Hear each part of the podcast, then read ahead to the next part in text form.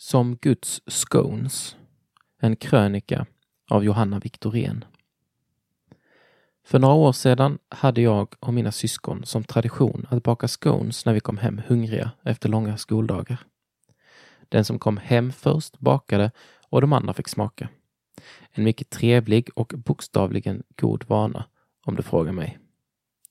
Att baka scones är enkelt och går snabbt. Bröden innehåller endast några få ingredienser som blandas ihop till en deg, delas upp och läggs på en plåt. Grejen med scones är dock att den goda smaken och ljuvliga doften först kommer när bröden har fått genomsyras och växa av värmen i ugnen. Utan den processen är de faktiskt bara kletiga degklumpar som varken smakar eller doftar särskilt gott och som inte fyller sitt fulla syfte som färdiggräddade bröd.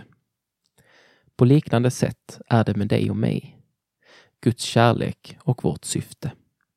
Var och en av oss har en sammansättning av olika ingredienser, förmågor, gåvor och personlighetsdrag nedlagda i oss av Gud.